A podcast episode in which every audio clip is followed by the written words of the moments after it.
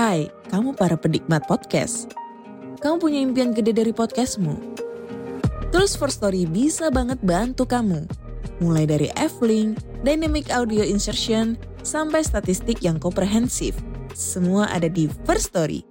Gak ketinggalan kamu bisa monetisasi podcastmu lewat iklan dari First Story Ads yang bisa kasih kamu penghasilan dari setiap place podcastmu. Yuk gabung sekarang dengan klik di firststory.me. Sekali lagi, klik di firststory.me. Mari kita bawa mimpi podcastingmu menjadi kenyataan.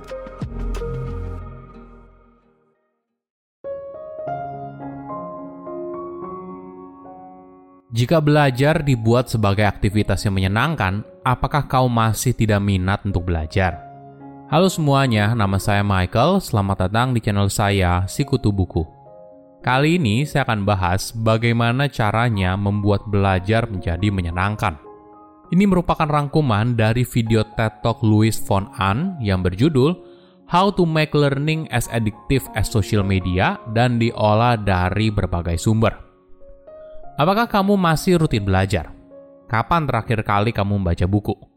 Atau kapan terakhir kali kamu belajar keahlian baru? Ketika dewasa, dorongan untuk belajar mungkin semakin kecil. Kita merasa sudah terlalu tua, sibuk bekerja, dan sebagainya. Padahal belajar itu sebenarnya merupakan aktivitas sumur hidup. Nah, bagaimana bila aktivitas belajar justru menyenangkan? misalnya dengan menggunakan konsep gamifikasi. Belajar tidak lagi hanya sekedar belajar, tapi ada unsur kompetisi, penghargaan, dan tantangan yang pada akhirnya bisa merangsang motivasi seorang untuk belajar. Di sisi lain, ketika kita dewasa, kita punya kebebasan lebih untuk memilih apa yang mau kita pelajari. Hal ini penting karena jika pelajarannya saja kita tidak suka, bagaimana kita bisa mahir di sana? Sebelum kita mulai, buat kalian yang mau support channel ini agar terus berkarya, caranya gampang banget. Kalian cukup klik subscribe dan nyalakan loncengnya. Dukungan kalian membantu banget supaya kita bisa rutin posting dan bersama-sama belajar di channel ini. Sejak kecil, kita mungkin dipaksa untuk belajar. Tapi ketika dewasa, belajar menjadi sebuah pilihan, bukan keharusan. Saat kita tidak lagi di sekolah, semua tergantung pada diri kita sendiri. Apa yang mau kita pelajari, bagaimana kita belajar, cara kita belajar, dan sebagainya. Pertanyaannya, apakah kamu masih terus belajar? Mungkin ada beberapa miskonsepsi yang sering dimiliki oleh orang dewasa. Pertama, saya sudah terlalu tua, sudah terlambat untuk belajar hal baru. Ini ungkapan yang umum ditemui, apabila ketika orang dewasa diminta belajar hal baru. Ada keengganan di dalam diri mereka. Padahal sebagai manusia, edukasi sejati seharusnya berjalan sumur hidup. Otak kita tidak pernah berhenti atau menolak informasi baru. Batasannya hanya pada rasa ingin tahu dan keinginan dalam diri. Kedua, saya sudah selesai sekolah dan saya tidak ingin kembali lagi. Tidak semua orang suka dengan pendidikan formal namun hal ini bukan alasan untuk berhenti belajar. Di zaman sekarang banyak sekali cara untuk belajar. Ada kelas online, ada pelatihan, dan sebagainya. Tidak harus kembali ke sekolah formal untuk belajar. Yang penting kamu suka dengan apa yang kamu pelajari dan mungkin kamu akan kaget manfaat yang bisa kamu raup setelah kamu menguasainya. Ketiga, saya sudah capek bekerja, belajar ibaratnya seperti kerja tambahan. Mungkin kamu perlu belajar untuk mengubah persepsimu soal belajar. Kamu perlu belajar untuk melihat belajar sebagai investasi tentang masa depan. Entah itu untuk keamanan finansial, peningkatan karir, atau mengejar keinginan terdalammu. Di sisi lain, mungkin kamu bisa membuat belajar sebagai aktivitas yang menyenangkan. Jadi, belajar tidak lagi terasa seperti belajar Banyak orang bicara kalau pendidikan bisa memberikan kesetaraan bagi kelas sosial yang berbeda. Tapi di sisi lain, pendidikan justru bisa membuat kesenjangan semakin lebar. Kenyataannya, bagi orang yang mampu, mereka bisa memberikan pendidikan terbaik bagi anak mereka. Tapi di sisi lain, bagi masyarakat tidak mampu, mereka sangat sulit untuk memberikan pendidikan dasar bagi anak mereka. Dan ini nyata terjadi di negara miskin. Masalah pendidikan bukan cuma soal biaya. Walaupun pendidikan diberikan secara cuma-cuma, orang tua mungkin saja meminta anaknya untuk membantu mencari uang. Maklum saja, tekanan ekonomi yang berat membutuhkan bantuan semua anggota keluarga untuk bahu-membahu mencukupi kebutuhan sehari-hari. Alhasil, mereka jadi sulit untuk sekolah. Ditambah lagi, biaya untuk sekolah bukan hanya dari SPP, tapi juga biaya pendukung pendidikan lainnya, misalnya seragam, buku, dan sebagainya. Ada kisah menarik bagaimana Duolingo bisa menciptakan akses pendidikan bagi masyarakat tidak mampu.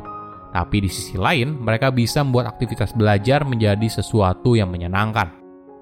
Jika bicara soal pemerataan pendidikan, ini merupakan masalah yang kompleks. Pendiri Duolingo memutuskan untuk mengajarkan bahasa asing, khususnya bahasa Inggris bagi orang yang tinggal di Amerika Utara. Kenapa? Ada banyak alasan. Pertama, sekitar 2 miliar orang di dunia belajar bahasa asing di sekolah maupun di luar sekolah. Kebanyakan dari mereka tentunya belajar bahasa Inggris. Tidak heran, menguasai bahasa Inggris bisa secara signifikan meningkatkan potensi pendapatanmu. Sebagai contoh, jika kamu bisa berbicara bahasa Inggris dengan lancar, kamu bisa jadi waiter di hotel bintang 5 dan mendapatkan penghasilan yang lebih tinggi dibandingkan waiter biasa.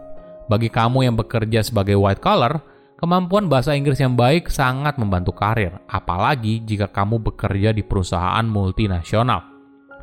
Ini yang unik soal bahasa dan berbeda dengan mata pelajaran yang lain.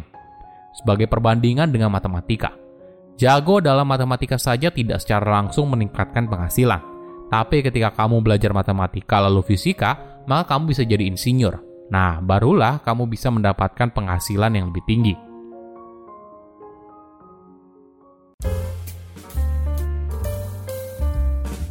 Lalu, bagaimana cara agar pendidikan lebih mudah diakses? Duolingo menggunakan model freemium, artinya kamu bisa belajar sebanyak apa pun yang kamu mau tanpa perlu membayar. Tapi jika kamu tidak membayar, maka kamu mungkin akan melihat iklan di akhir sesi belajar. Nah, siapa orang yang membayar langganan untuk menonaktifkan iklan? Biasanya mereka berasal dari negara dengan penghasilan yang tinggi seperti di Amerika atau Kanada sedangkan yang tidak biasanya berasal dari negara miskin dan berkembang.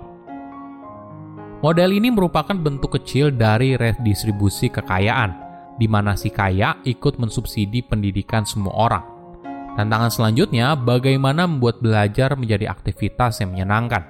Di dalam sebuah smartphone tentunya banyak aplikasi menarik, mulai dari media sosial hingga mobile games.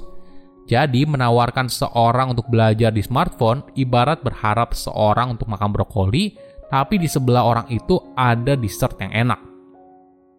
Ini yang berusaha dilakukan oleh Duolingo. Duolingo berbeda dengan aplikasi edukasi pada umumnya. Jika kamu buka Duolingo, tampilannya justru seperti kamu sedang main game. Ada poin yang harus kamu kumpulkan dan banyak mini games yang bisa kamu ikuti Gamifikasi ini yang membuat belajar tidak seperti sedang belajar. Saya jadi ingat zaman dulu ada game namanya Typer Shark, di mana kamu harus mengetik secepat mungkin kata yang ada di badan hiu untuk menang. Di Duolingo, gamifikasi menjadi bagian yang tidak terpisahkan. Sebagai contoh adalah fitur streak. Sederhananya, ini adalah fitur yang mengukur berapa hari seorang pengguna aktif menggunakan Duolingo. Fitur ini ternyata cukup efektif, karena ketika pengguna melihat angka ini dan terus bertambah, mereka akan kembali menggunakan Duolingo tiap hari agar angkanya tidak keriset ke angka 0. Saking berhasilnya fitur ini, ada lebih dari 3 juta pengguna aktif yang memiliki streak lebih dari 365 hari. Silahkan komen di kolom komentar pelajaran apa yang kalian dapat ketika tahu informasi ini. Selain itu, komen juga mau tahu informasi apa lagi yang saya review di video berikutnya.